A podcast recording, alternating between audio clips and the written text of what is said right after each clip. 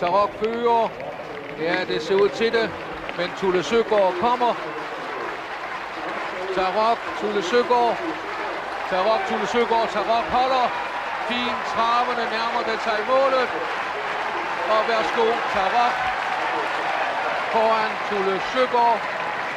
Og så kom Talisman Sus på en fjerdeplads. Derby-sejren til Tarok. Velkommen til Travsnak i samarbejde med Travservice. Claus Storm er på banen til en snak om Jerry Riordan, dopingarbejde generelt og fodersagen.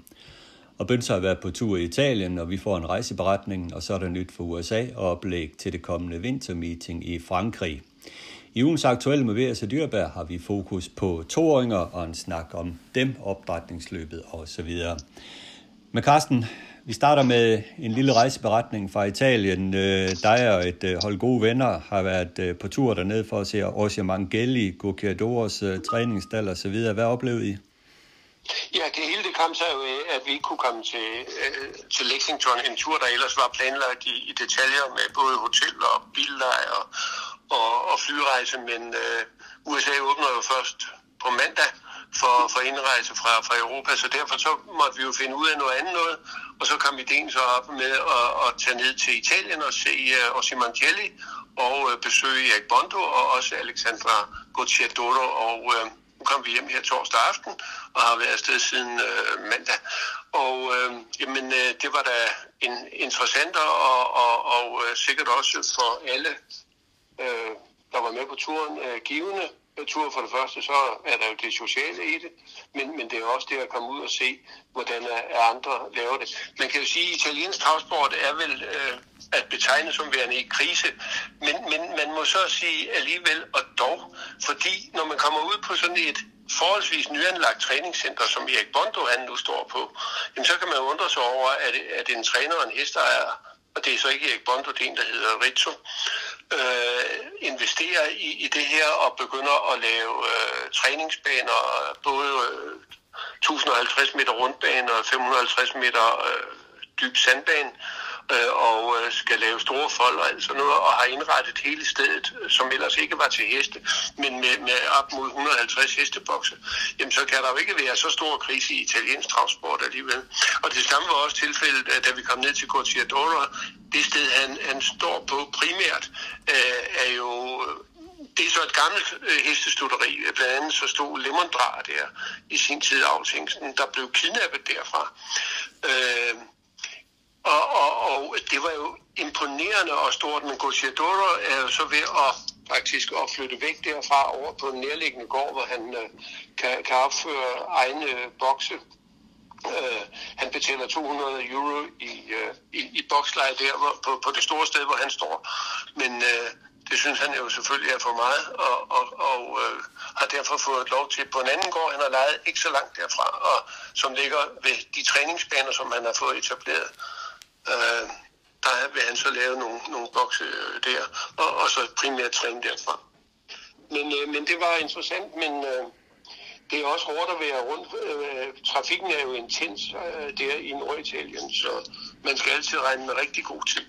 Ja. Vi var også ude at se uh, den gamle travbane San Siro, og det er jo uh, bare en, uh, en udør, kan man sige. Det, det, hovedindgangen, den, øh, den ligger, øh, ja, man skulle tro, at det var noget fra krigens tid, og det var trods alt kun 11-12 år siden, at man kørte løb der, men altså den stod helt som en ruin.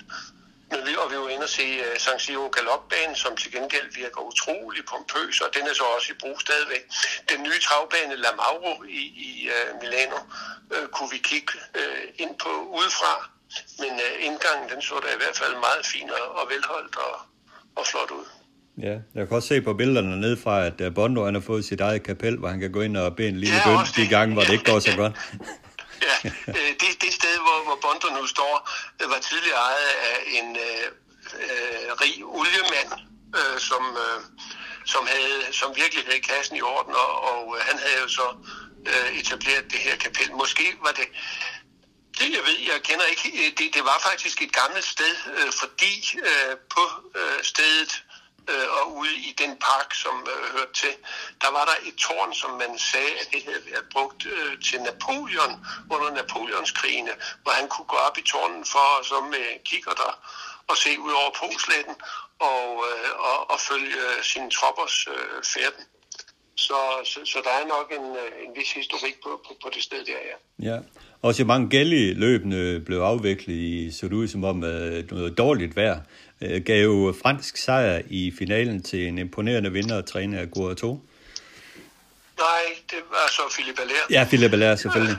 Ja, uh, ja det, altså da vi ankom til uh, Bergamo og, og kørte mod Torino, der stod det ned i stridstrøm. Og, og det havde altså regnet hele dagen, men, men det holdt faktisk op, men så banen den her var jo regnet meget fast. Uh, Call Me The Breeze er jo italiensk uh, ejet, den er, hvad skal vi sige, amerikansk afstamning, det er den efter Trixton og moren Gilly LB er en øh, uh, supergilhoppe, og den har Philip Allaire, øh, den, han har den her uh, følhoppe, og har trukket flere afkom uh, på hende.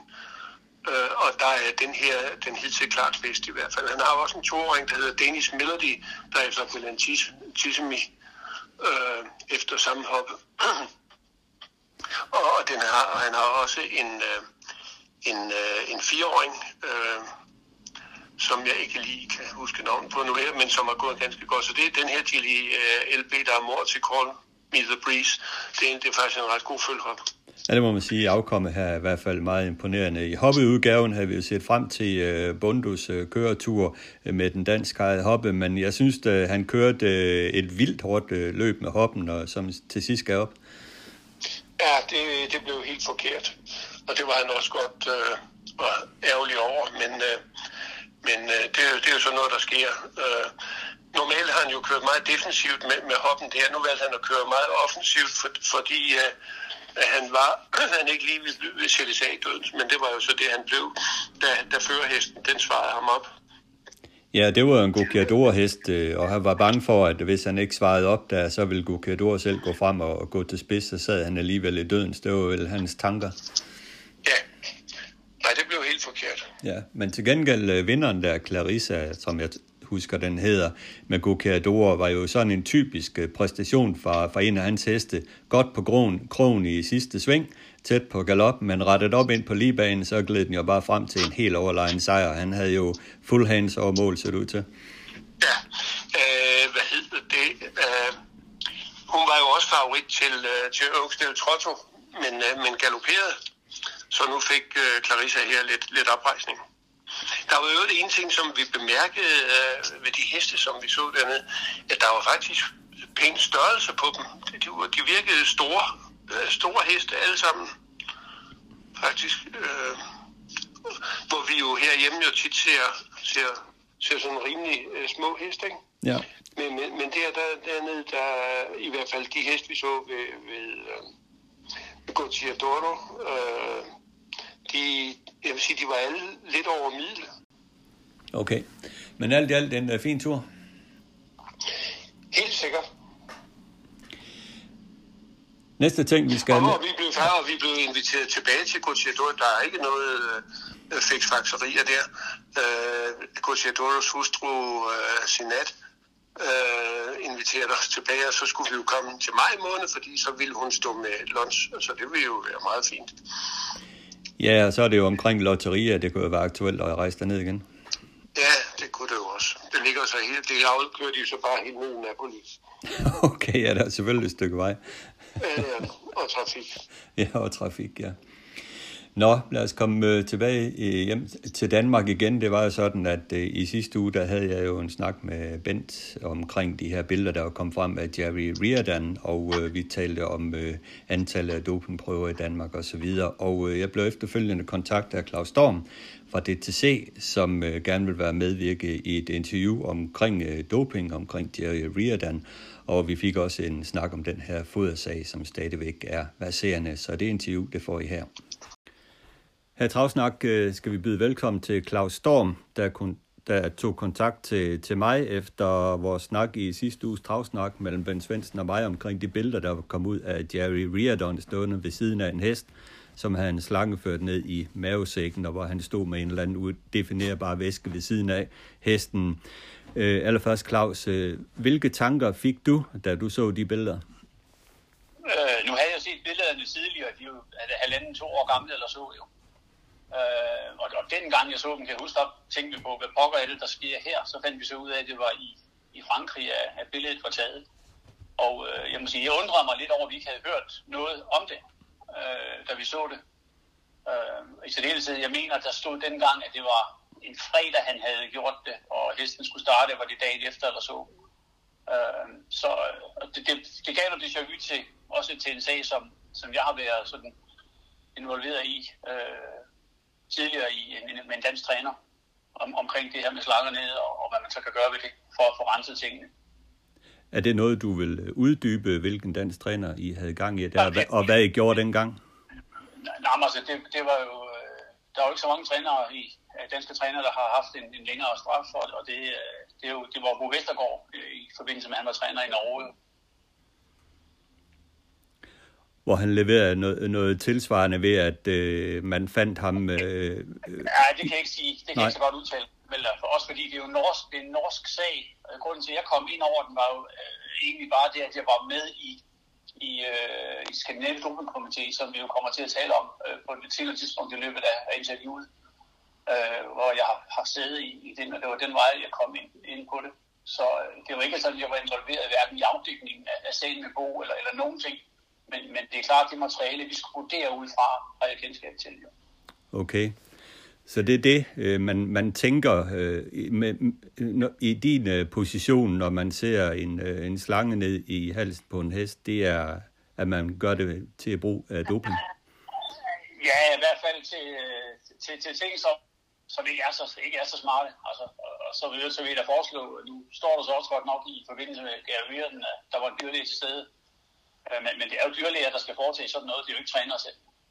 Der har været lidt øh, usikkerhed omkring reglerne i Frankrig kontra de regler, vi har i, i Danmark og Sverige. Men hvis vi holder os specifikt til, til Danmark, hvad er reglerne for, øh, for brugen af sådan udstyr? Det her det skal jo ske med, det skal jo ske med, med, med, med veterinær ekspertise.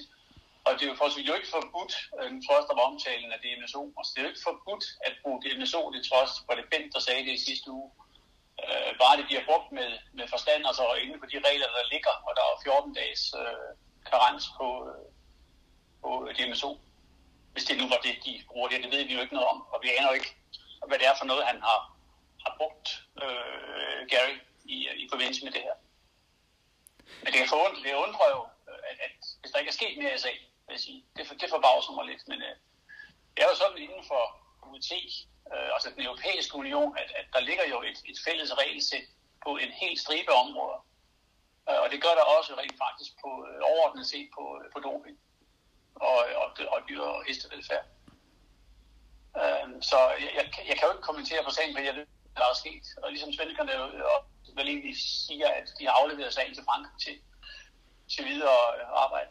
Så men jeg vil sige, det, det, var, det var noget, jeg var ked af at se, som både, både sådan ud fra en dyrevelfærdsmæssig øh, vinkel, fordi det er jo ikke et tegn på, på sundhed i hvert fald. I særdeleshed ikke, når vi får at vide, at hesten så skulle starte dagen efter. Øh, og så sender det nogle grimme, grimme tanker ind omkring, hvor altså, sportens troværdighed. Ikke? Øh, jamen, øh, lige præcis. Øh, lige præcis. Men, men hvordan, øh, når der nu kommer alle de her rygter frem om for eksempel øh, Riordan, Gukiador og Reden, bare for at nævne nogen, som er meget omtalt i Sverige, og også andre danske træner, hvordan reagerer I, når I bliver mødt af de her rygter? Jamen Henrik, det, det er jo sådan, at, og det lærer, har jeg jo lært over tid. Altså, jeg var med til at danne Skandinavisk Komité i 2014, øhm, og, og derfor selvfølgelig brugt mange ressourcer på det, også efterfølgende. Altså, du bliver jo nødt til at, at slå ørerne ud, og så alligevel på den anden side også være lidt immun, fordi det her med rygter er jo ikke noget, vi kan bruge til en forfærdelig masse, hvis det ikke er fuldt op af, af fakta. Og øh, jeg tvivler på, at der er mange trænere, der har testet mere, end, end Gary er i Sverige. Altså både i og uden for konkurrencer. Øhm, og, og dermed, jeg kan ikke tage stilling til, eller, og aner jo ikke noget om, hvorvidt han, han gør noget, han ikke må eller ej. Han har aldrig taget i noget, og, og rygter er jo ufattelig svære. Jeg har også, øh, eller vi alle sammen kender det udtryk, at nå, så er de på noget, noget blå benzin i sig. Øh, og det er jo sådan et, et slangudtryk, vi bruger indimellem, når vi ser noget, som, måske er for godt til at være sandt. Men øh, vi, kan jo ikke, vi kan jo ingenting gøre uden et bevis. Altså det er jo sådan, at øh, sagerne i dag skal være fuldstændig vandsætte, for ellers så bliver de jo skudt ned, øh, fordi øh, hestejerne involverer, og trænerne involverer advokater. Øh, og så, så skal det godt nok være et, et gennemarbejdet materiale, for at det holder.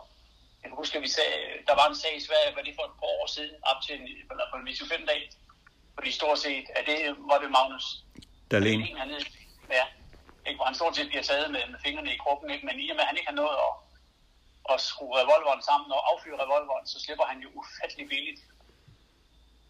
Øhm, og, og det er jo sådan nogle ting, som er, er med til at skade øh, både sportens omdømme, men også internt selvfølgelig skabe en utilfredshed hos, øh, hos konkurrenterne og kollegerne i branchen og sige, hvad pokker, hvad er det, der foregår, hvorfor får han ikke hårdere straf? Ja. Øh, så det er jo, jeg, nu har jeg jo været involveret i en stribe sager omkring øh, både danske trænere og også selvfølgelig i forbindelse med, at jeg sidder i den her skandinaviske doping komitégruppe med udenlandske trænere, og, og det er, vi skal træde ufattelig, ufattelig varsomt, øh, og vi skal være meget, meget sikre på det, vi gør, og derfor så kan vi ikke reagere lige så hurtigt, fordi kravene til os, både med hensyn til doping, eller med MeToo-sager, eller, eller andre ting, det er, at vi kan ikke reagere lige så hurtigt, som vi egentlig gerne ville, fordi vi skal hele tiden huske på, hvad, altså, hvad er det for en position, vi sidder i som forbund, og der skal vi bare være stensikre på, at det holder vand. Jamen det er klart, men, men hvis vi nu igen holder os lidt til de her rygter, de der ting, øh, hvad, hvad skal der egentlig til for, at I, I laver et kontrolbesøg hos en øh, træner, en uanmeldt kontrolbesøg? Øh, for det første laver vi, og det kommer vi også tilbage til, for at vi skal få tid til, øh, jamen vi laver jo uanmeldt kontrolbesøg, ikke nødvendigvis på rygter, men det gør vi jo bare fordi, at vi ønsker at, at vise, at vi er til stede, og for ligesom at, at sige til folk, jamen her, der er ingenting, som, som øh, er som det plejer, og I skal ikke vi er sikre. Nu er det ikke, fordi jeg tror på, at vi er, at vi er overplettet med, med doping i Danmark, men, men vi, er, vi er meget ops på at gøre det uforudsigeligt, hvordan vi arbejder med tingene. Uh, så, så, men, men det er klart, får vi direkte gennem en whistleblower-ordning, og det er så det er, jeg vil sige, det er jo noget af det, jeg håber på, at, at sporten vil finde på at bruge. Fordi det her med rygter er jo ikke noget, vi kan bruge. Vi kan jo ikke bruge rygterne til noget som helst, hvis der ikke er nogen, der står frem gældende whistleblower-ordning og forholder sig gerne øh, altså, neutralt, eller ikke neutralt, men, øh, men øh, det er anonymt. Så vi har noget at arbejde med. Og så lang tid vi ikke har det, så kan vi jo ikke komme videre. Jo, vi kan lave uanmeldt besøg, men i dag er det jo sådan, der er jo ikke ret mange stalle, hvor der er medicin overhovedet, når vi kommer ud. Så kan vi diskutere, eller hvor, hvor er det så henne? Er det så inde i privaten, eller, eller i lastbil, eller, eller er der slet ikke noget, fordi dyrlægen kommer med det? Eller, altså, de her ting ved vi jo ikke, og vi kan jo ikke tillade os at sige, at vi vil gerne gå ind og se din, din privat lige nu og her. Altså, det kræver jo en dommerkendelse mere eller mindre. Så vi, vi er, vi, vi er jo noget hæmmet af, af, af det her, hvis vi ikke har beviserne i hånden. Nu var der jo den her galopsag med Mark Stott, og øh, Mark blev jo udelukkende, udelukkende øh, øh, dømt og knaldet for det, fordi der var øh, folk, der stod frem og fremlagde øh, den rygende pistol, som man ikke kunne løbe fra. Ellers var det ikke sket. Selvom vi havde været på øh, i hvert fald to, i hvert fald på tre uanmeldte besøg i stedet. Hvis vi holder os til den her whistleblower-ordning her i Danmark, øh, hvordan fungerer det helt præcis? Og hvis, øh, hvis I får en anmeldelse, øh, anmelderen, står han så alene, han, hun alene med ansvaret for at levere bevis, eller er det øh, jer, som tager det fulde ansvar for det videre forløb? Vi, vi, vi, I det øjeblik, altså hvis, hvis du for eksempel siger, at jeg ved noget konkret, og du, jeg ønsker at bruge whistleblower-ordningen, så kan du vælge selvfølgelig at gå til til mig typisk, men, men vi har jo etableret whistleblower-ordningen med en neutral advokat, altså en udefra. Øh, og, og der er helt klart beskrevet, altså for at beskytte øh, de vidner, der, der må ønske at træde frem, for at beskytte dem. Og så kan de forblive anonyme, og så kan de aflevere et materiale, og så kan vi arbejde videre på det. Okay. Så det er ikke så, at man efterfølgende ligesom skal stå til ansvar i en videre retssag, øh, for at det er mig, der, der har leveret de her ting? Nej, det bliver jo spørgsmål om beviser jo ikke. Altså, det vil sige, vi kommer ikke til at rejse, vi kommer kun, nej, på den, vi kommer kun til at rejse en sag, hvis vi ved, at den kan, at den kan holde vand. Vi kan selvfølgelig, øh, vi kan selvfølgelig gøre en masse andre ting. Vi kan øh, holde vedkommende træner under, under, under observation, og vi kan gøre en masse andre ting.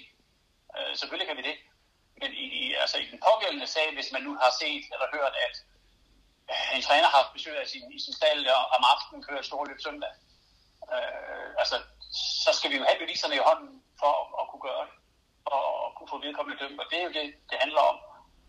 Øh, men, men det er klart, altså, vi kræver jo ikke, at, at vidne skal, skal stå frem og sige, øh, jeg har set, og så med alt, hvad det indebærer øh, af risici for, for den ene og det andet og. Altså, det, og, og det her med et, et, et altså, hvis det er over ord, så er det en utrolig vanskelig en at vinde. Altså, der skal ligge nogle håndfaste beviser for, at vi kan komme videre med at få vedkommende træner dømt. Vi kan selvfølgelig arbejde videre på det, og vi vil have et, et, et hvert input, vi kan få, det tager vi jo imod med kysshånd, fordi så har vi forskellige spor, vi kan arbejde efter. Okay. Men der er jo, øh, der har jo både været, øh, det har man jo læst sig til øh, stor undren i Sverige, også frustration blandt mange træner over, at uh, Jerry Riordan og andre uh, med et blakke ry ikke blev fældet. Uh, du kan selvfølgelig ikke svare på svenskernes vegne, men du kan måske prøve at give et bud på, hvordan man kan bekæmpe doping i vældesporten, og hvilke værktøjer I, er, I, I kan tage brug af.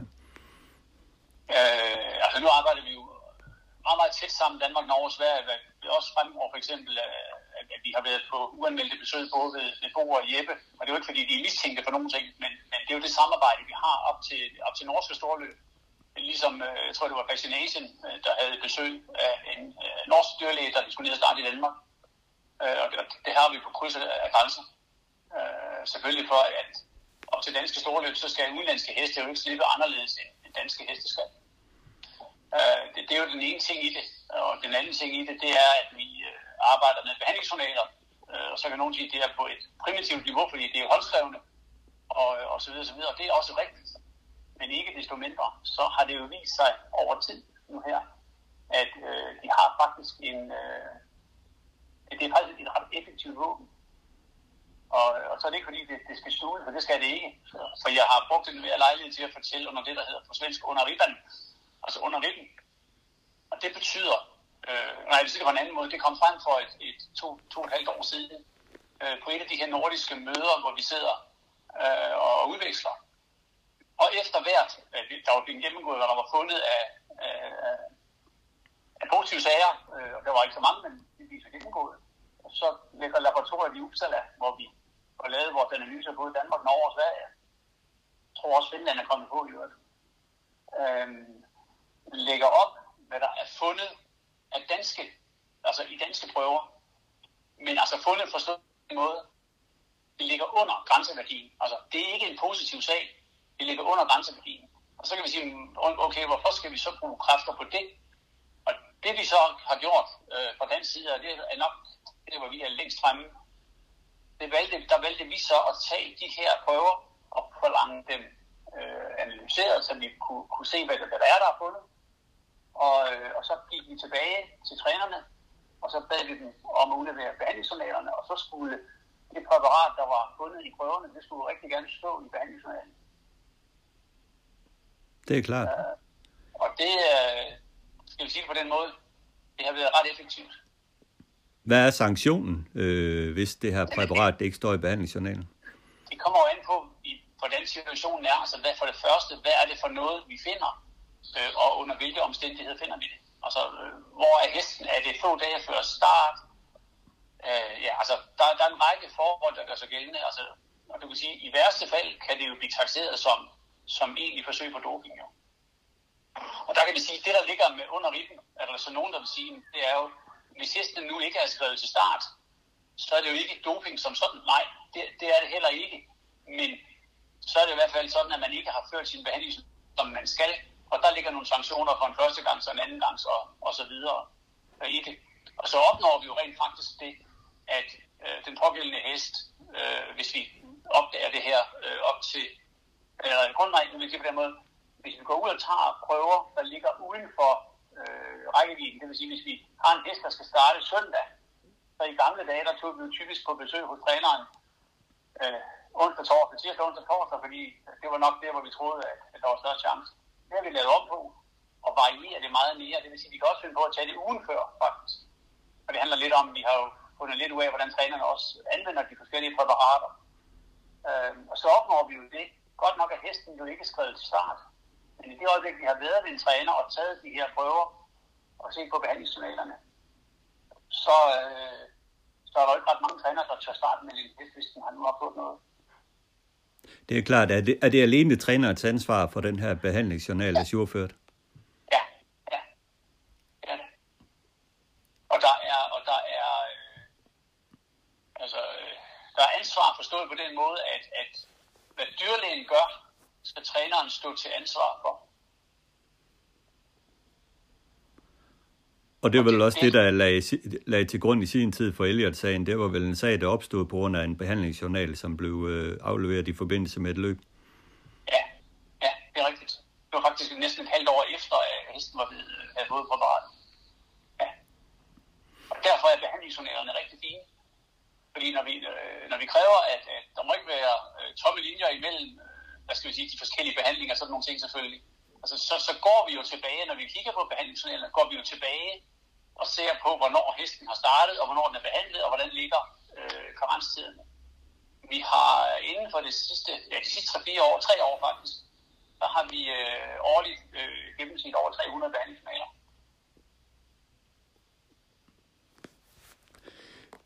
Noget af det, vi også var omkring, øh, det var omkring antallet af, af dopingprøver på løbsstadiet, som var min fornemmelse, der var gået ned, øh, mens øh, antallet af træningsprøver er gået op, hvilket Ben Svendsen konstaterede. Er det også sådan, det er i den virkelige verden?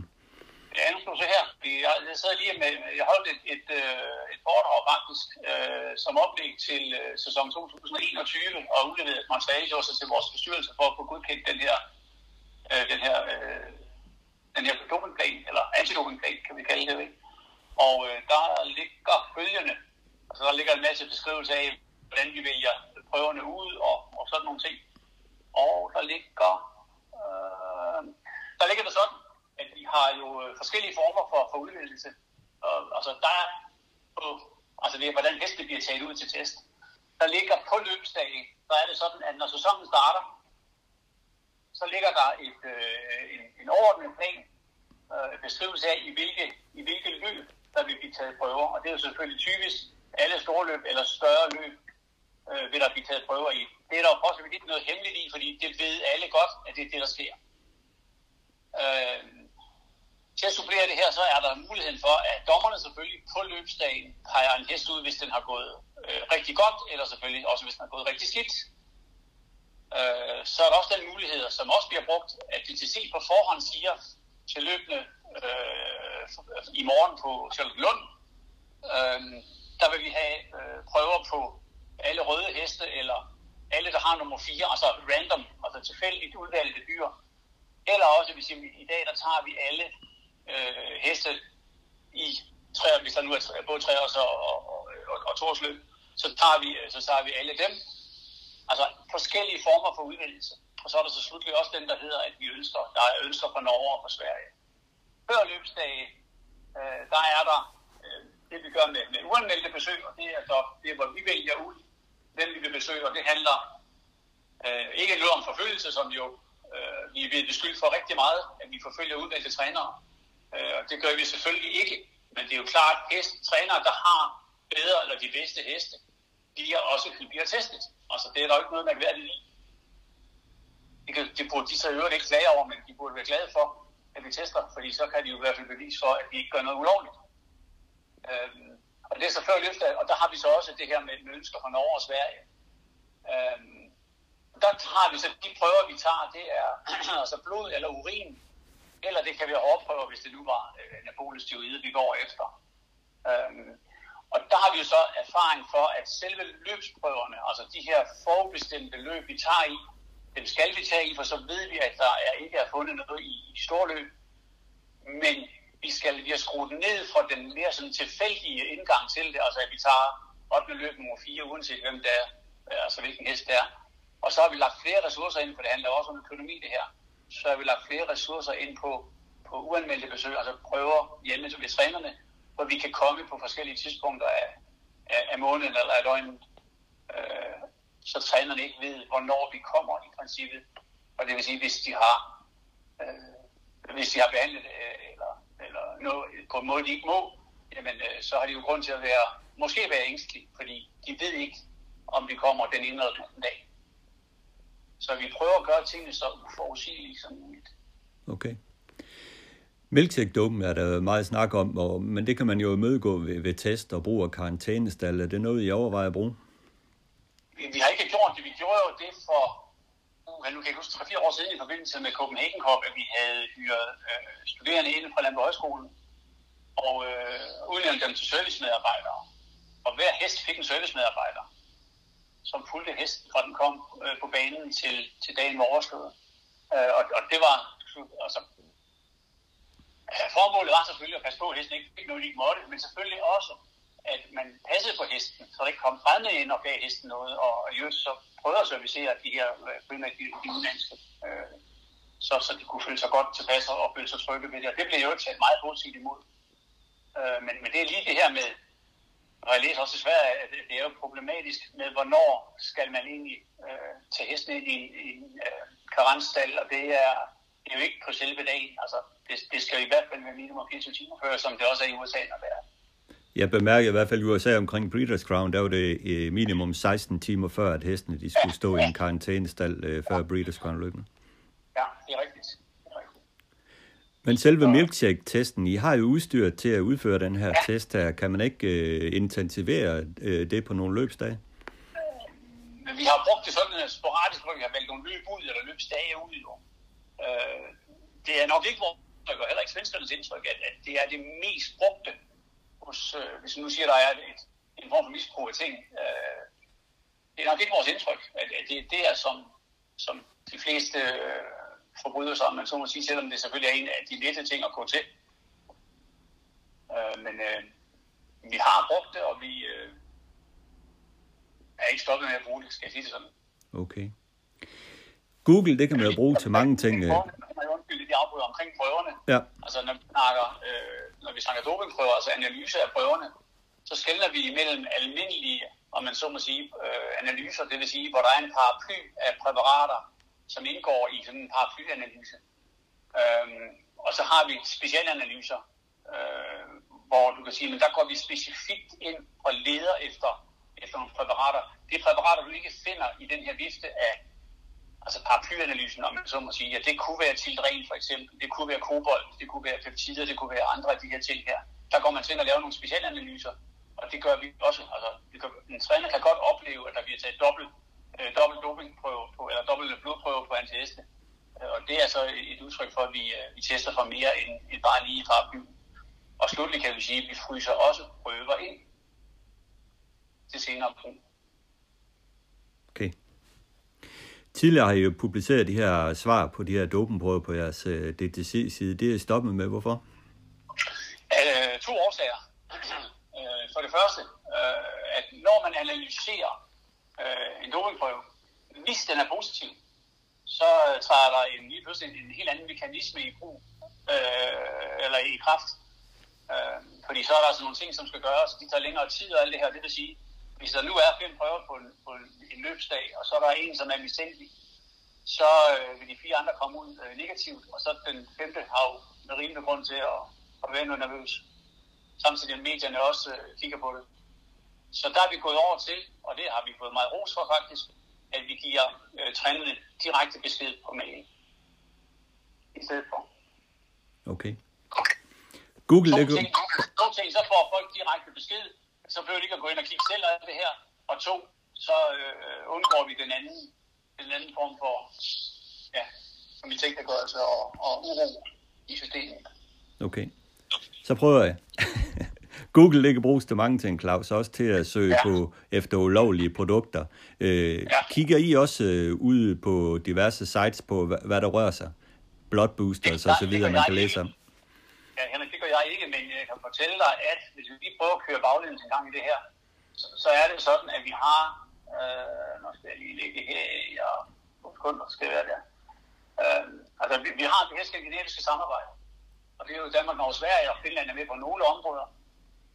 Her, der har vi så noget, der hedder NEMAC, altså øh, Nordic Equine øh, Medical Anti-Doping øh, Committee, som fastlægger øh, karenstider og hele, hele det her setup og i øvrigt også medvirker, der er en repræsentant fra NEMAC, som sidder med i en stor europæisk gruppe, øh, der er EHSLT, øh, hvor der både er trav og galop øh, ind i, altså hvor man på et højt plan går ind og kigger på, hvad der rører sig i den store verden. Øh, den anden del af det her samarbejde er en ekspertgruppe bestående af, af tre personer, øh, som er nogle professorer øh, inden for, for det her område, som er, er, er eksperter på området her, og det er dem, som kigger på prøverne inden, altså en positiv prøve, eller formodet positiv prøve, inden at vi er, øh, går i krig, altså går ud og besøger øh, træner og melder ud, så kigger de på det også. Øh, og så har vi selvfølgelig Uppsala, som jeg har omtalt, altså SVA, altså Statens Veterinæranstalt, øh, i, øh, som sagt i Uppsala, hvor alle analyser bliver foretaget i Danmark, Norge og Sverige. Øh, og det er så meget rart, når vi har det her samarbejde, at, at prøve at foretages øh, på samme måde alle steder, samtidig med, at det har selvfølgelig givet os en ikke ubetydelig økonomisk, øh, det kan gevinst, men i hvert fald til besparelse, ved at vi kunne lægge de her ting sammen. Samtidig med, at det er jo på et niveau, som vi ikke selv ville være i stand til at, at gøre. Øh, andre steder, så skulle vi til Hongkong eller til London eller til Paris. Det ville både være mere besværligt, og det ville være dyrere også at få, få det gjort. Og den, det sidste ben af det her skandinaviske samarbejde, det er selvfølgelig Skandinavisk Dopingkomité, hvor øh, der sidder øh, personer fra, fra Danmark, Norge og Sverige. Øh, der sidder den, øh, den svenske forbundsjurist, der sidder den svenske veterinær ansvarlige, der sidder der en, en professor, som er med i den ekspertgruppe, så sidder den norske chefveterinær der, og så sidder jeg der. Øh, og det er for eksempel, hvis vi ser på, på danske sager, så øh, foregår det på den måde, når vi har lavet øh, en uanmeldte besøg hos træneren, så bliver der lavet, og vi så får svar på B-prøven, og hvis den så også er positiv, så bliver der lavet en rapport ud fra den forklaring, træneren har afgivet, og ud fra det materiale, der ligger, altså behandlingsjournalen og hvad der nu altså er så fundet. Og det bliver så sendt til Skandinavisk Dopingkomité, hvis det er en dansk sag, så træder jeg uden for døren, så er jeg slet ikke med. Men hvis det nu er en, en norsk sag for eksempel, så er jeg så nødt til at kigge på det her. Og så vurderer man tingene. Og den her skandinaviske dopingpolitik, og det er vigtigt, den dømmer ikke. Den kommer med en indstilling til, hvordan man mener ud fra historik og ud fra sagens alvor, hvordan at en sag skal vurderes. At Danmark har, har vedtaget, at, at det skal vi følge, øh, fordi det kan ikke ske på et meget bedre eller højere niveau end det, der foregår her. Det er så en anden sag, men det er ikke komiteen, der dømmer øh, som sådan. Det er, det er en, en sparringspartner, der, der gør de her ting her. Okay. Og afgrunden for, at vi kan gøre det her, det er jo selvfølgelig, at vi har et fælles regelsæt, både med hensyn til forbuds- og grænseslister og, og andre forhold. Vi har behandlingsjournaler. Øh, så er der et meget stærkt videnskabeligt bagland, som skitseret med, med, med de her folk så er der en, en udveksling af informationer, du sidder, vi snakker om, der ligner, vi snakker om, om andre ting også, hvor vi veksler ud. Øh, så er der ensartet behandling af overtrædelser, det vil sige, der bliver set på tingene med de samme øjne. Øh, der findes analysested, og som sagt, så er der den her øh, ikke uvæsentlige øh, økonomiske fordel. Øh, og så er der selvfølgelig øh, ikke kun det med analyser, men der er også jura, der er eksportbestand, og der er udvikling inden for de forskellige områder med hensyn til analyser og tingene som vi aldrig ville kunne løfte selv. Uh, altså, hvis jeg skal nævne for eksempel Kabalien-sagen, var den aldrig nogensinde kommet i hus, hvis vi ikke havde haft det samarbejde. Altså, vi har ikke kunne løfte den uh, alene. Nej. Det her, den her Sverige-aftale, som er på vej, hvordan vil øh, den påvirke det dopingarbejde, øh, der er i Danmark? Vil det betyde flere dopenprøver og, og så videre? Øh, der, står i, der står i aftalen, at, at vi skal afvikle eller tage en licens for men det er ikke noget, som betyder noget, fordi der, det er vi for længst øh, over. Altså, der er ikke, vi har, vi er så integreret i hinanden, Danmark og Sverige, det får ikke i praksis nogen indflydelse på, på antallet af prøver. Altså, i UT er kravet, at hvert land, hvert medlem, øh, medlemsland skal tage prøver i 10 procent af de afviklede løb, og det ligger vi jo markant over. Altså, vi ligger mellem 15 og 20 procent. Okay det danske reglement, vil, vil det blive tilpasset det, det svenske reglement, eller kører vi fortsat vores eget reglement? Snakker vi doping og medicinering? Ja. Det er, det er integreret. Har været i to-tre år. Okay. Og så der er vi, øh, og det er jo selvfølgelig ud fra, at vi, vi udveksler altså, på tværs af grænserne med heste, med, med løb og det til løb. Så det er for længst, øh, altså, det er jo det selve samarbejde, vi står i med, med NEMAC og, og med de her ting her. Okay. Altså når vi nu skal lave kalender nummer et, så foregår der udvekslinger af, altså hvis der er ændringer det ene sted eller andet sted, så kommer vi til at tale sammen omkring, hvad, hvad, hvad synes den ene, og hvad synes den anden, og hvordan skal det være. Så det er, det er like fuldstændig. Okay. Den nye struktur, man taler om her i, i dansk travsport, øh, hvor kommer ansvaret for, for dopingarbejdet til at ligge en ny struktur i DTC eller Dansk Hestevedløb? Det ved vi ikke. Det der er meldt ud, det er jo, at, at DTC's aktiviteter, om man så må sige, bliver lagt ned i, i datterselskabet. Øh, der, der skal foregå forskellige øh, sonderinger nu her i nærmeste tid omkring, øh, hvordan det skal være. Det er der ikke øh, meldt noget ud om. Altså det eneste, der er meldt ud, det er, at øh, der er ingen, og så gentager, der er ingen, intet overlap imellem aktiviteterne i DHSDTC. Det vil sige, det er ikke sådan, at der falder 20% væk af alle aktiviteter, fordi vi har lavet det samme. Det eksisterer simpelthen ikke.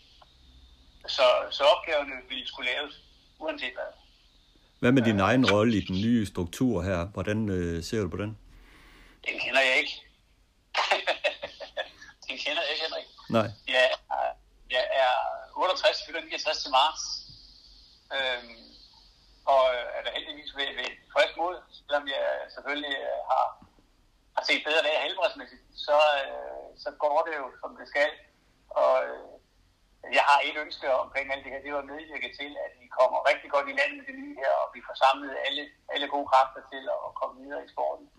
Øh, altså, jeg er jo også for længst ud over alt, hvad der hedder ambitioner og alting. Altså, jeg har kun et ønske, det er, at, at det kommer til at gå os godt. Det er klart. Slutligt, hvis vi øh, omtaler den der fodersagen, den har, har vi jo her på Travsnak øh, omtalt øh, flere gange, og jeg og andre har stillet spørgsmålstegn ved, ved jeres håndtering af sagen, og hvorfor man ikke valgte at gå ud med, at Marstals foder kunne være kontamineret med koffein. Hvorfor gik I ikke ud med den oplysning, så brugerne af foder kunne være på forkant med situationen dengang? Hvis, du, hvis vi tegner, eller hvis du tegner en, en, en, en tidslinje på, hvornår vi får forskellige informationer. Altså, hvornår er der positive prøver fra de forskellige heste. Og, og vi ser, hvornår der kommer svar på, på dopingprøverne. Hvornår vi får lavet øh, undersøgelserne af, og, og hvornår det dukker op, øh, at, at det med overvejende sandsynlighed er, er kontaminering. Så har vi ikke kunne gøre det anderledes, fordi igen, vi kan ikke gå ud på, på rygtebasis Altså, vi er nødt til at rimelig fast grund under fødderne, inden vi går ud, fordi du kan jo smadre en forretning fuldstændigt, hvis det nu viser sig, at det ikke havde været, når vi var gået for tidligt ud, så kunne man måske forestille sig et erstatningsansvar. Altså, når vi gør sådan noget som det her, så er vi jo nødt til at være rimelig sikre på, at det er foder. Altså, vi havde øh, 5, 6, 7 forskellige trænere i Danmark, som vi øh, var inde over, og så øh, en del galopheste faktisk også men det tegnede, altså vi var ude at besøge, øh, for eksempel, kan jeg roligt nævne, at Bent som var en af dem jo. Øh, og det kan jeg roligt sige, fordi hans heste mistede jo æsentligt for mig. Og der var vi ude og kigge på, her hans fod og snakkede med ham, og altså hele den her afdækning tog meget, meget, meget lang tid. Øh, hvorfor, hvorfor tog det så lang tid, Claus? Fordi det, det, det er jo allerede i juni, at det begynder at dukke sager op i Tyskland, og vi skal hen, helt frem 1. august øh, er det jo en hest som Billy Time, som, som bliver fundet positiv dopingprøve med koffein. Hvorfor tager det så lang tid? Jamen, det, det er Tyskland, Henrik. Altså herhjemme, øh, nu skal jeg skal gerne lave tidslinjen til dig, men altså, vi har jo ikke positive prøver i juni måned, der siger, at det er det foder. Det har vi jo ikke. Nej, men man kunne jo godt have kommet med den, øh, det er jo det samme firma. Hvad siger du? Det er vel det samme firma, øh, Marstal, som... Ah, nu er der flere, nu er der flere forskellige fabrikker dernede, meget bekendt. Øh, så, så der er jo ikke... Øh, den var rundt kan man ikke... Så skal jeg lige prøve at se, om jeg kan lige finde det her. Jeg sidder lige på en halv en her. Øh, det er simpelthen et spørgsmål om, at man kan ikke gå ud før, at, at du har sådan en sikkerhed for det, og det handler så billigt på et tidspunkt om, eller over, at det, det her, det er sgu nok øh, noget alvorligt. Øh, men, men det er jo ikke... Øh, øjeblik. skal lige på den her. Vi, vi, har, med, med, vi har ikke kunnet agere hurtigere end det her, hvis vi skulle have bare nogenlunde sikker viden, eller sikkerhed for, at det var, det var det, der var problemet. Øhm, at vi så måske ønsket, at, at øh, kan roligt sige, at en større grad af åbenhed og samarbejde fra, øh, fra leverandørens side, det, det er så noget andet. Men øh, det, det er stadigvæk sådan, at vi har og jeg kan ikke lige finde det her, at vi har ikke, men det kan, det kan finde til Vi har ikke kunnet gule før. Altså, og de falder jo også forskelligt. Altså, det du forudsætter, hvis vi skulle ud til det, det er, at du har et svar på alle prøver på én gang. Det havde vi jo ikke. Men Claus, du ved også udmærket godt, når man finder koffein i en, en dopingprøve, så peger det 99 ud af 100 gange mod fodret. Øh, hvorfor er det stadigvæk, at, at de ikke, ikke drager den konklusion? Så mange sager har du ikke haft. Altså, vi, vi er nødt til, nu var det ikke, kan jeg så sige, nu var det ikke kun koffein, der blev fundet. Det var ikke kun koffein, der blev fundet i de her sager her. Det var også andre ting jo. Ja, der er givetvis teofilin, man også finder, fordi det er, det er gerne et uh, udskillingsprodukt af koffein jo. Rigtigt, rigtigt, og så var der en ting mere i noget af det i hvert fald. Altså, der, der, er, der, er, der er vi bare nødt til at, at være rige, hvis ikke skal lige prøve en gang, ja. Men mens du prøver at finde det, Claus, øh, tids, tidshorisontsmæssigt, der var det jo lige op til derbyprøverne. Frygtede I ikke, at der kunne ske en katastrofe omkring alt det her? Det var jo, øh, vi har jo information omkring nogle, nogle hedder det, nogle, øh, altså nogle forsendelser på den her valise. Jo, selvfølgelig gjorde vi det, men hvad vil du have, hvis du gør, at hesten havde fået det? Altså, der var ikke noget at gøre. Altså, den var rundt, vi var ude og, og snakke med, med, øh, hvad hedder det, med importøren om det, så vi kunne få kredset ind, hvem sælger han til. Øh, og, og det var jo sådan set ikke helt uvæsentligt for ligesom at kunne sige, hvad, hvad kan vi gøre for at, at forhindre, at tingene de, øh, de løber løbsk. Nej. Øh,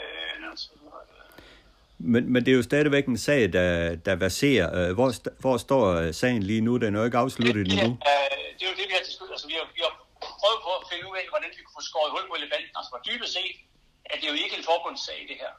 Dybest set er det jo en privat sag, hvor folk køber deres foder. Vi valgte at gå ind og så sige, vi vil godt, vi vil ikke stille advokat til rådighed og betale advokat, det kan vi ikke, og det skal vi heller ikke. Men vi vil godt gå ind og være med til at koordinere det her, så der kommer, så vi får samlet tingene, så de står stærkere hesteejerne i, i, i, i det her. Det er det, vi har tilbudt. Og, og der, så samlede vi det, har vi så samlet det her ind. Øh, og det, det, der sker nu, det er, at vi har, jeg fik så en idé i maj måned, fordi vi, de kørte jo frem og tilbage med, hvordan vi skulle gøre det. Vi skulle have skåret elefanten i stykker.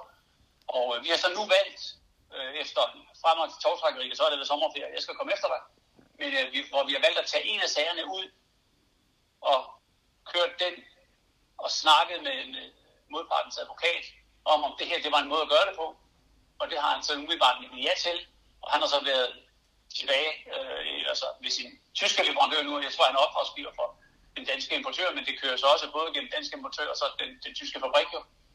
Og, øh, og der er de så øh, lovet, at vi ender tilbage her i løbet af faktisk af ugen her, eller lige først i næste uge, har de lovet nu øh, med det oplæg, som, som vi har sendt frem til dem. Og det, vi har sendt frem, det er, at sige, det er selvfølgelig, de slipper aldrig for at betale de faktuelle tab. Altså det, man kan dokumentere, man har tabt, det skal de jo betale rent juridisk. Men det er jo ikke nok. Altså for mig er det jo ikke nok, du kan tage, nu er det billigtegn, var den ene af dem, ikke? Altså, hvad, nu var den grounded i halvanden to måneder, ikke? Altså, hvad, hvad vi den har tabt? Eller endnu mere, Øh, Bent Olsens øh, galopheste, som for det første mister meget store præmier, og stod foran og skulle starte i pokalløb, og i, jeg tror det var i Oaks, altså, hvor der virkelig var præmier, og der var store chancer til, til begge heste. Øh, der bliver jo noget at diskutere der, og det er der, vi sådan har fundet, tror jeg på, en, en god måde at gøre det på, og så håber jeg på, at de vender tilbage og siger, at det er det, vi kører med, med Billetegn som prøvecase, og i samme øjeblik, at de siger ja til det, så kommer de andre sager så øh, væltende, fordi der har vi jo indsamlet alle data nu, øh, for hvad både til det, det letteste, det er, hvad de har tabt, det ved vi jo, hvilke præmier de har mistet. Men det er klart, hvis vi rejser krav om at få erstatning for de præmier, de har mistet, så skal der også trækkes omkostninger fra, altså øh, transport, øh, øh rytterprocenter, hvis det nu er en galopist, og så videre, så videre, så videre. Altså, og, og vi skal ind og vurdere på, øh, og det er så der, vi kommer ud på, på gyngende grund, ikke? Hvor meget kan vi tillade os at rejse af krav omkring, hvad de har mistet.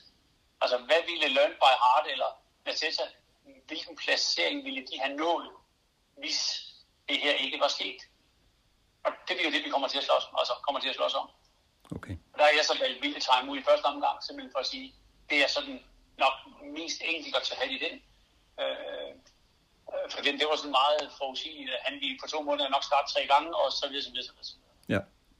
Øh, okay. Og det er så den vej, vi har valgt at køre. Øh, jeg kan så sige, at vi er kontaktet af en svensk øh, kontakt ikke egentlig haft noget med at gøre før, men som har skrevet en sendt mail til mig, og øh, fordi hun har en klient i Sverige, som også en eller to klienter i Sverige, som også har brugt Foder, og hun vil gerne i kontakt med os for at se, om, hun, om vi kan bidrage til at hjælpe hende i den sag, hun har kørende deroppe. Ja, men ingen tvivl om, at det var en rigtig træls sag dengang, som nu så heldigvis ser ud som om, at den, øh, den kan lukkes med, med en øh, fornuftig erstatningssag. Øh, Claus, her til slut i, i vores samtale, er der noget, du vil tillægge omkring dopingarbejde, hvis vi kigger på det rent fremover, fremover med sig? Jeg, jeg vil rigtig gerne have, at vi, at vi stopper med at, at knakke og komme med beskyldninger mod hinanden, medmindre man har noget at have i. Og så vil jeg frem for alt rigtig kraftigt anmode om, at man bruger den her whistleblower-ordning, eller kontakter mig, hvis der er et eller andet. Altså det her med, som man havde i cykling med Omerta, altså tavshed og tavshed. Jeg vil bede, hvis der er nogen, der ved noget, så skal jeg altså tage hånden fra munden, fordi vi kommer ikke videre med mindre, at vi får hjælp til det. Og, og det, det er jo hamrende frustrerende, eller må være hamrende frustrerende for trænere og hestejere, hvis de ser en, en, en konkurrent løbe forbi gang på gang, og man så ved, at vedkommende øh, ikke kører på, på den almindelige oktan. Øh, så hjælp os med, at, når I ved noget, når I ser noget. Prøv af, og så skal vi undersøge det, og vi, selvfølgelig når det er anonymt, så er det 100% anonymt. Og den advokat i whistleblower-ordningen, hvis I siger, at I ikke vil give jer til kende, så kommer det ikke videre til hende. Så det er i hvert fald det, øh, det ønske, jeg har. Det er, at, øh, at man gør det her. Det er godt. Tak for snakken.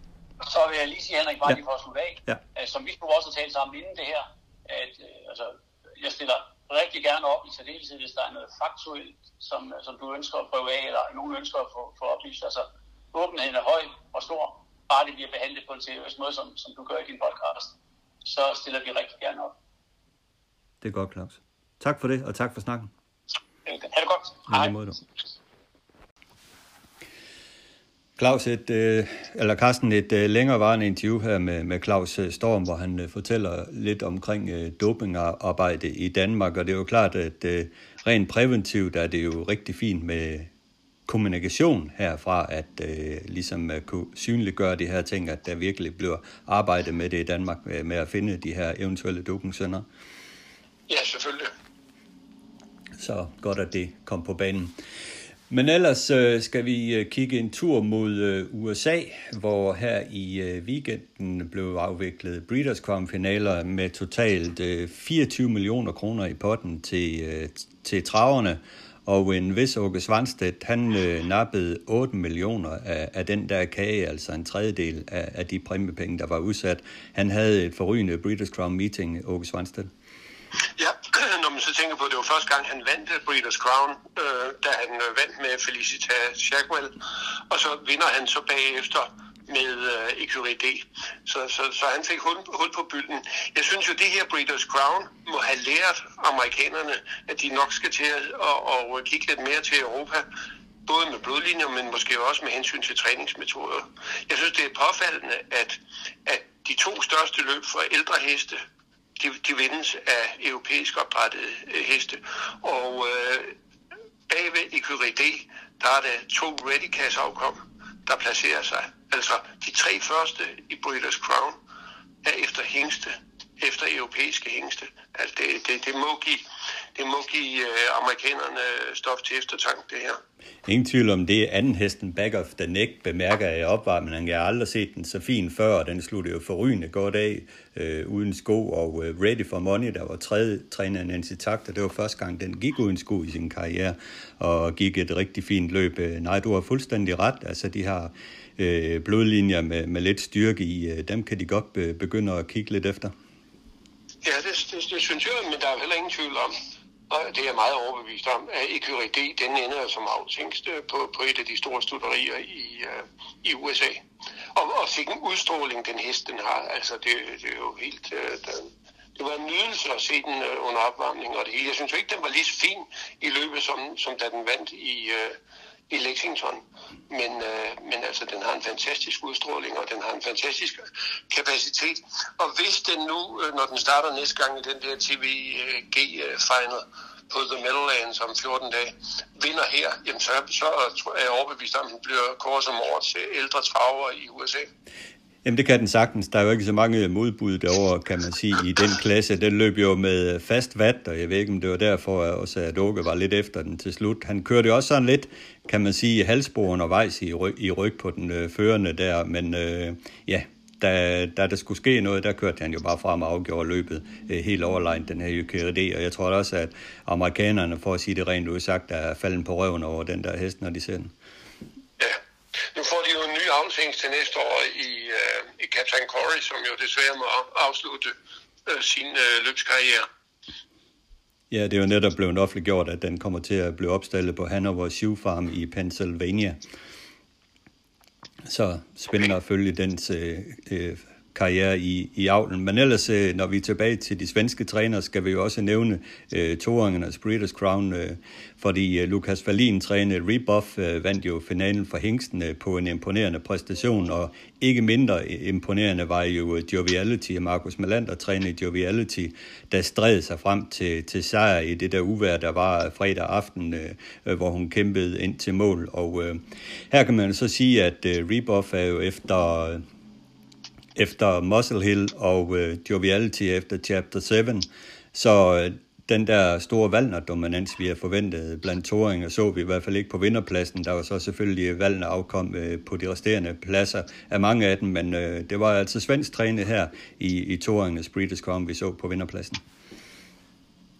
Ja, Ja, det var, øh, altså man havde jo nok regnet med, at Valner skulle have, have gjort rent bord der også, men øh, nu øh, var så at, at den bedste amerikanske toåring, Venerable, den var jo så ikke kvalificeret ind til, øh, til Breeders' Crown, og, og øh, så, så derfor, ellers havde den jo nok vundet hopafdelingen. Den vandt i hvert fald overline i går på Dover Downs, hvor den vandt Matron Stakes for, for toårige hopper i, i overline stil. Så hun er afgjort stadigvæk den bedste toårs hoppe, de har derovre.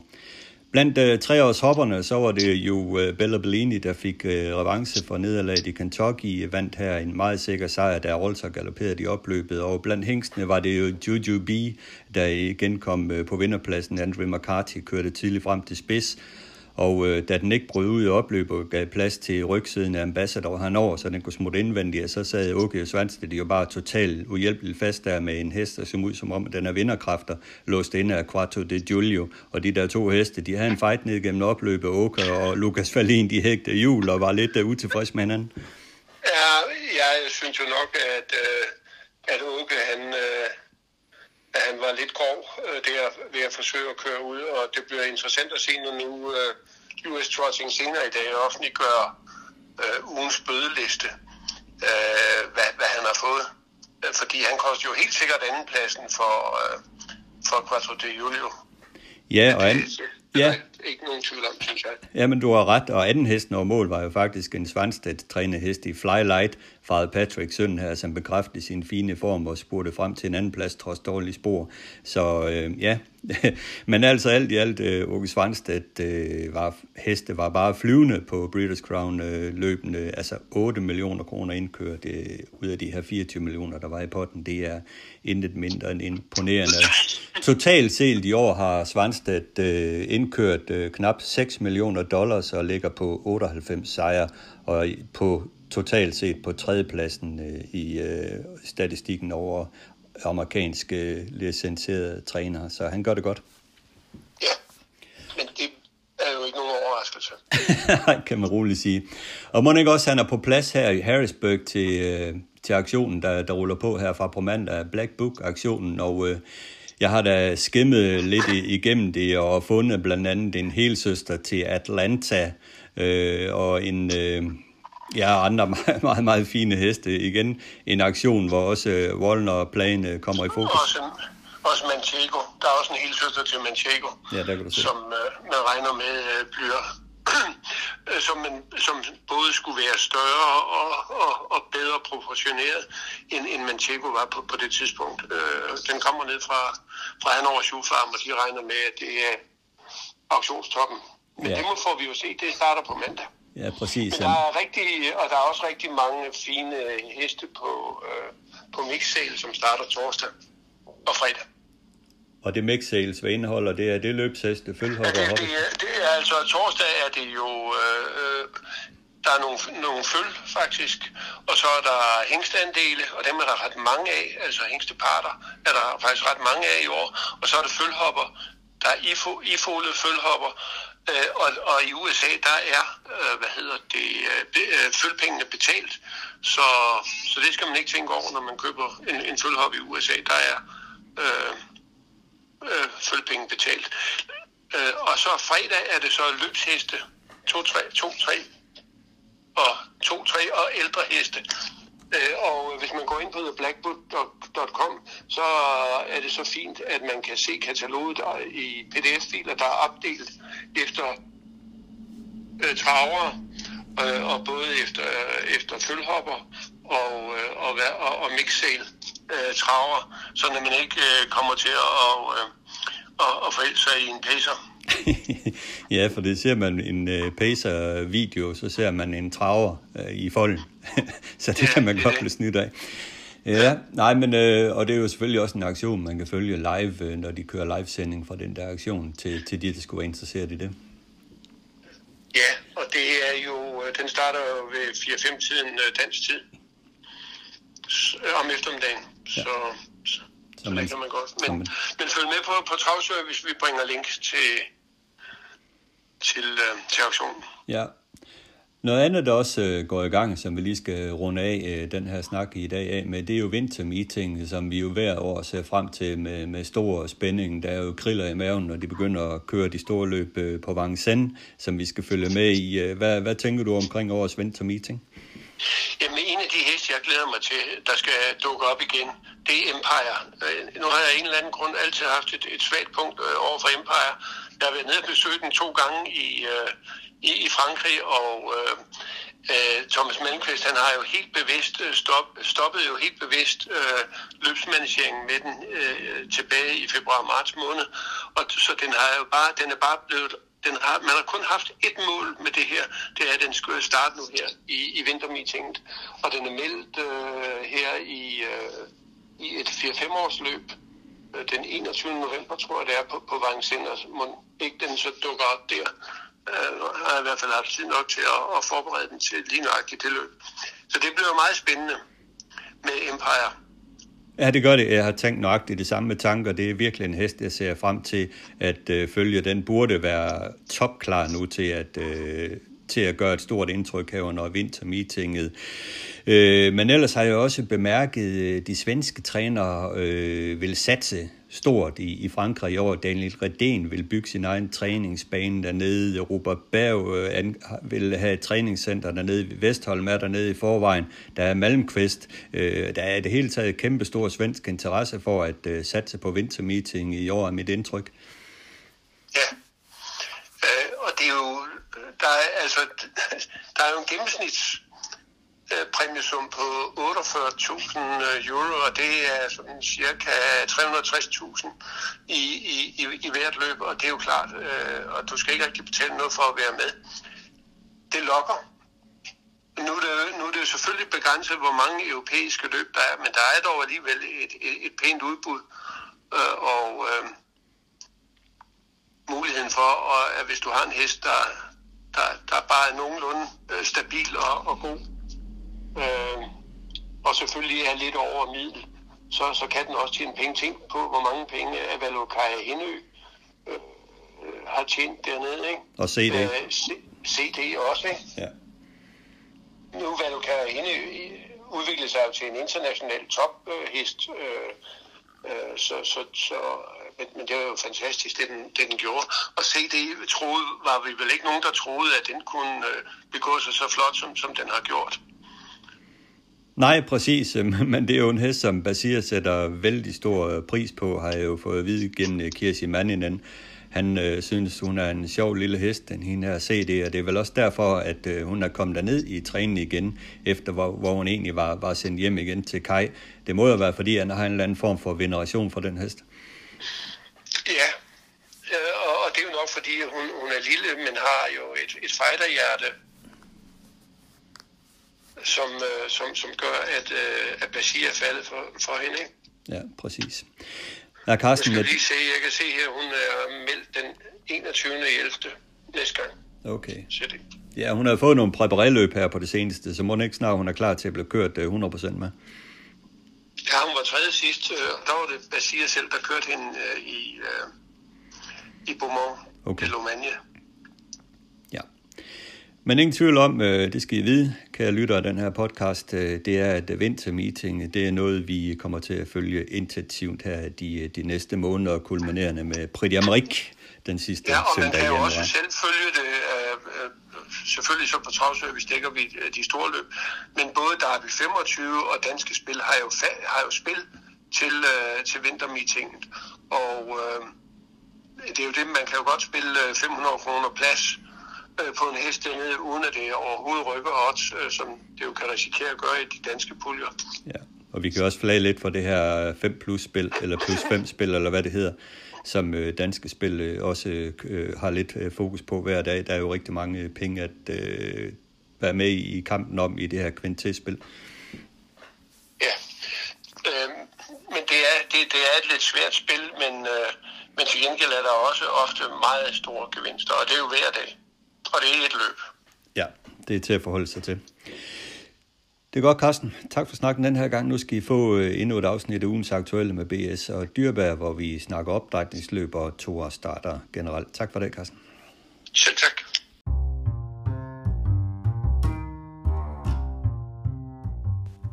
Ugens aktuelle med BS og Dyrbær. Ugens aktuelle med BS og Dyrbær skal denne gang handle om toårs øh, starter og øh, toårs heste. Og det skal det, fordi at her i dag på Lund, der køres der jo finalen i opdrætningsløbet, og det er jo en finale i år, i, i og med at vi har kørt kvalifikationsløb til løbet. Og jeg, Bent, øh, jeg synes jo, årets udgave af opdrætningsløb er måske en af de bedste, vi har set i rigtig mange år.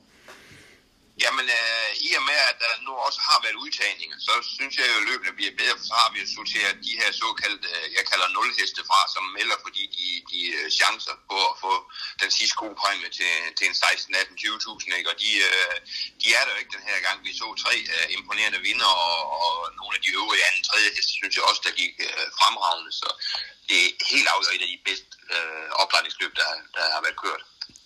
Ja, og hest for hest øh, er det jo masser af gode talenter i blanden, ser det ud til også at hest, man kan tro lidt på på sigt. Ja, men øh, det er en ting, ikke? men så er jeg, jeg, vi læser jo begge to alle nyheder hver dag. Der er jo ikke en af dem, der ikke er 20 meter bedre, end de var i prøven, når de snakker om dem, dem der har dem. Ikke? Så det bliver jo, jeg glæder mig godt nok til at se det løb i eftermiddag, ikke? hvis de har så forbedret alle sammen, ikke? for de er virkelig optimister, mange af dem. Ikke? Øh, og det må give et godt race, ikke? De, tre vinder sidder inde på de tre inderste spor, og alle tre øh, kan åbne, ikke? og øh, vil helt sikkert gerne være med os jo, øh, i åbningen for at få løbet. Øh, det ligger måske lidt til også, at, at den, der får spids, måske vinder opdragningsløbet. Ikke? Øh, jeg ved ikke, om, om de øvrige er så gode, de går udvendigt på dem, når, når de har vist det, de gjorde i prøverne. Jeg tror også, det kommer til at afhænge lidt af tempoet i løbet. Hvis der kommer hårdt med tempo på, så kan det jo åbne op for nogle af de andre. Men det er jo klart, at hvis en hest som Havling, at The Moon bare får lov at styre i spids, øh, de håber på, at den kan holde spids, jamen så, så er det jo et helt andet race, vi ser. Det må man sige ja til. Jeg, jeg, var, jeg, jeg var lidt imponeret af den, den her gang. Jeg var imponeret med alle sammen, men øh, jeg synes jo, den så lidt kold ud i, i, i sidste sving, fordi den lå hårdt på, da de første 600 meter. Ikke? Men øh, der var jo absolut et, et, et gear mere, da Jan han slap op igennem lige banen, ikke? og øh, er den ligesom alle andre heste går lidt frem med, med det seneste løb i kroppen, så bliver det svært, hvis, som du selv siger, hvis han tryller 500-600 meter væk midt i løbet, så tror jeg ikke, de passerer. Øh, nej, og, og jeg synes også, den så bedre ud den her gang ved venstre rundt, end den gjorde, han har gjort tidligere. Vi skal også huske på, at den jo leverede på Derby i dagen en storartet præstation udvendigt på en godt hest. Det gjorde den, det gjorde den, ja, og den ser ud til, den er jo noget stor slaske, den her, ikke, men den, hvad hedder sådan noget, at sidde bedre, bedre sammen i kroppen, ikke, og øh, ej, jeg glæder mig til det, det, de er gode alle sammen, og de er velforberedt, det kan man se. Er det den, du tror mest på? Jamen, det gør jeg på startsporet, fordi jeg tror godt, den kan holde spidsen op. Jo, ikke? Altså, øh, jeg tror ikke, den vinder, hvis den ikke holder spids i dag. Jeg, jeg, jeg er simpelthen overbevist om, at den, den af de her tre, jeg, jeg tror stadigvæk en af de tre eneste får spids. Jeg tror, den, der får spids, vinder opdrætningsløbet. Nogi speed holder Jan Friis jo utrolig højt, kalder det en af sine bedste heste nogensinde. Gik et imponerende løb på jeres ro i det her toårsløb for Bio Jørgensen. havde så en galoptur i Derby weekenden, men det er jo også en klassehest.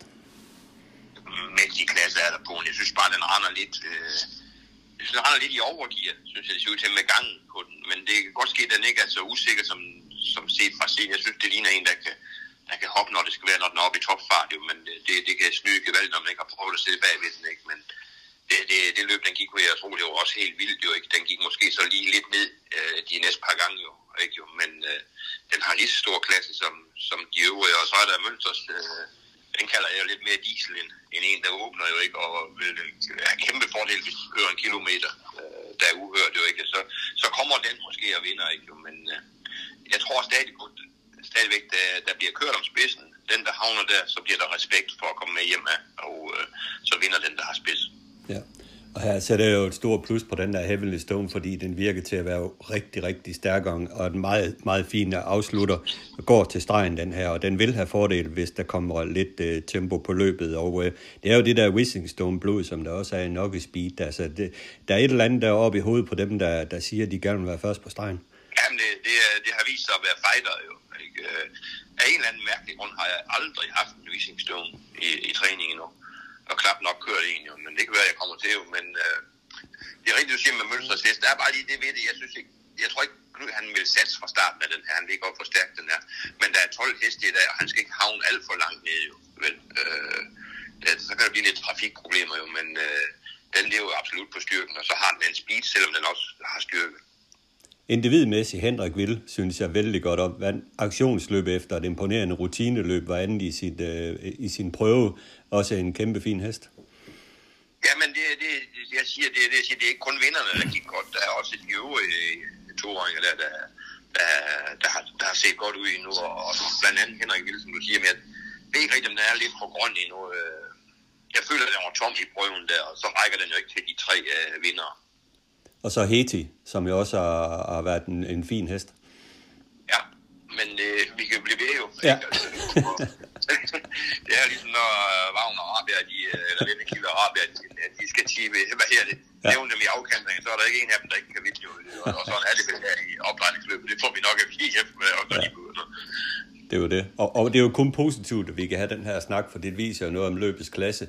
Men, men noget, noget andet, der også køres kører her i, i, i eftermiddag, det er jo det her indledende prøver til dansk havsløb, og jeg må jo sige, jeg var lidt overrasket over så få anmeldte heste, øh, øh, der er til de her løb, og tænker måske, at det løb øh, trænger til et boost, for at det skal have en berettelse fremad. Jo, men det, men det er jo ikke anmeldelsernes skyld, tror jeg. Det er jo hængsteejernes skyld, tror jeg, og det er jo så dem, der, der der, der matcher det her løb, der må lidt op på barrikaden og få fat i nogle flere hængsteholdere, der betaler til løb. For det er jo hængsteholderne, der har betalt ind, der skal betale ind til, for du kan starte i det jo. Ikke? Og derfor mangler der jo nogle, øh, nogle af de bedre heste i, i overgang i de her øh, avlsløb. Ikke? Og derfor bliver det lidt tyndt jo. Og det, det er absolut en skam, som du siger, ikke? fordi det er, det er jo en tynd kop til. Der er to prøver i dag. Øh, jeg, nu er jeg ikke helt sat mig ind i det, men går der seks videre fra hver? Det er jeg lidt i tvivl om. Ja, det må der jo gøre. Ja, og der er 13 heste til start, ikke? Det, ja. det skal de så gøre, for alle skal have chancen for at komme ud, jo, ikke? Jo? Men det er jo lidt en, det er lidt en parodi et eller andet sted, jo. Ikke, jo? Øh, at man er nødt til at køre to prøver med, med 13 heste, altså i alt, jo.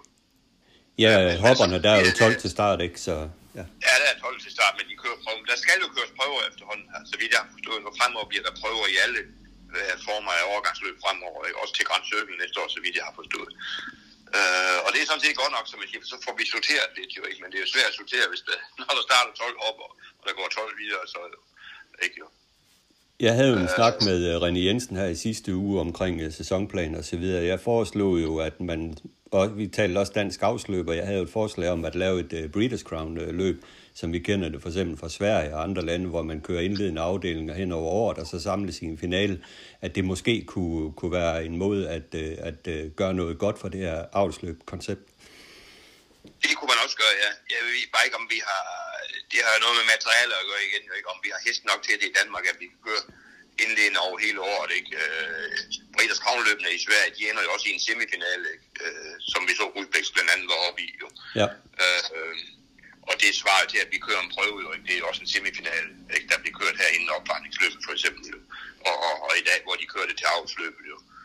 Øh, men, men som sagt, øh, vi skal simpelthen have nogle flere hængste, hængste med i det afsløb, for det har noget berettigelse. Ikke? Det er også det er jo ikke mange penge, de kører om, jo, kan man sige, i finalen. Jeg mener, der er 50.000, så er der godt nok lavet en anden fordeling, hvor der er, der, der er ikke kun det halv til anden hesten, der, der er nogle flere penge der jo ikke, men der skal flere penge i det, for det er attraktivt, og det ligger sent på året. Ja, det gør det samtidig, og mange skal ud på en lang rejse to gange inden for kort tid. Det er jo det, det, er det, og derfor er der også nogen, der står over, det er der ingen tvivl om, og nogen har givet dem ferie, dem der har været med hele sæsonen. Ja. Tilbage til, til toårssnakken. Øh, rigtig gode danske toårs, men øh, i Sverige, øh, svenske opdrætningsløb, der så vi jo prøver her i ugens løb, og der var der jo en øh, vis øh, finstrænet hest, T-Trick øh, Vanya, efter Muscle Hill og Random Destiny, og Random Destiny, den er mor til, til Wallner. Den vandt ukørt på 12-8. Øh, hvilke tanker fik du øh, efter at have set den præstation? jeg ikke. Øh, jeg, må sige, som Svend siger, jeg fik stå pels jo. Ikke? Den gang, den, øh, den var, øh, gik fra dem der igen, ikke? efter at have været med i en god åbning også jo ikke. Og, øh, jamen hun kørte, øh, altså det allerfineste var, jeg synes, da hun blev interviewet, at hun sagde, at jeg gav en let løb i dag, for den skulle i finalen om 14 der på en lang rejse. Så hvis det der, det var en let løb, så ja, den er giftig. Det er, øh, vi bliver ved med at sige, at det er noget af det bedste, vi har set jo ikke, men vi har været forkælet i år, ikke? Altså vi har jo også Calgary Games, ikke jo, øh, fra Derby, ikke jo. Øh, hvilke heste vi får at se hele tiden, det er helt vildt, ikke? Jamen det er det, øh, og, og det, det er jo i særdeleshed vildt øh, med sådan en hest som, som den her, med den afstamning, at den øh, viser sig også at være en, en kanon, vandt jo i starten inden øh, svampen øh, to års løb på Bro ved at blæse forbi dem i opløbet. Det er jo en bamse den her, altså, altså sky is the limit, når man, når man ser sådan en hest, tænker man. Jo, jo, altså, den har kun kikset to gange, det med ham klovnen Kilstrøm, jo. Nej, nu, nu gasser jeg jo, ikke jo. Men øh, det er en fantastisk hest, ukompliceret set ud til. Langt tjek, øh, løber der og, og vinker med ørerne frem og tilbage og hører på, hvad hun nok siger til en der, kusken ikke jo. Øh, ser helt ukompliceret ud, kan åbne, kan køres på i, i 10 fart ned i, i anden par udvendigt, ikke? Og øh, ej, det, den, den glæder jeg mig godt nok til at følge den her, for det ligner ikke bare et toårsprodukt jo, vel? Nej, det gør det absolut ikke. Det virker, det virker virkelig øh, til at være en coming øh, stjerne øh, i europa -liden. det er der slet ingen tvivl om. Men ellers ser vi også lidt på Per Nordstrøm i Sverige, der igen vinder et kvalløb. Hvad er det, han kan med de her ungheste, ham Per Nordstrøm? Jamen, jeg tror simpelthen, han har fundet et godt koncept, og det har han jo, fordi han har haft to sæsoner, eller flere, men i år, jeg, jeg tror, han nærmer sig 15 millioner indkørt Per Nordstrøm med, med begrænset antal startheste, ikke? og især hans ungheste, ikke? Øh, de har, hvad her, den, Ønas Prins har gjort ren bord, der, det, og det kalder jeg det ikke, for der var anden i Derby også, ikke, mod, mod overhesten Calgary Games, ikke jo. Men, men ja. øh, han, kommer med, han kom jo også med to imponerende toåringer i, øh, i tirsdags jo, ikke jo. Øh, han var anden, øh, der vandt den ene, øh, ja. prøvede ikke, og var anden til, til den anden der, ikke på, altså jeg, jeg ved ikke, hvad jeg har gjort, hvis jeg var kørt hjem, øh, og havde haft en, ud, en toåring ud, der kun var anden på 13-8. Altså. Men han har godt nok fundet et godt koncept, Pierre Nordstrøm, der, og alle hans heste ser, ser gode ud, ser styrbare ud, øh, de kan tåle åbninger, ikke? og så, så har de en polet sparet igen til slut, jo, ikke? Det øh, må man tage den af for det, han har fundet her. Ja, de, de, de ser jo netop øh, fine ud, runde og fine at se på, blank i pelsen og velplejede. Altså, de udstråler jo en, en sundhed, som man godt kan lide at se ved heste. Måske er det noget med det der ude, øh, uddriftprincip, han, han har. Han, han har fundet et eller andet, men jeg kan også se, at andre trænere er begyndt at tage det til sig, det her med, at hesten de skal gå mere ud i, øh, for at øh, trives bedre. Ja, øh, jeg, jeg tror noget allermest vigtigt ved det der, at de går ud altid, det tror jeg, det man undgår øh, sygdom tror jeg, øh, infektioner og skidt. Øh, øh når, når man bliver syg, øh, heste de bliver syg med influenza eller på køl, det er når der er, er for store temperaturskift øh, i vejret, efter min mening, ikke øh, dårligt vejr, godt vejr og sådan noget. Når de så går ud i hele tiden, så tilpasser kroppen sig meget bedre, end at vi har dem til at stå ind i stallen i, øh, i, i et halvt døgn. Ikke, jo.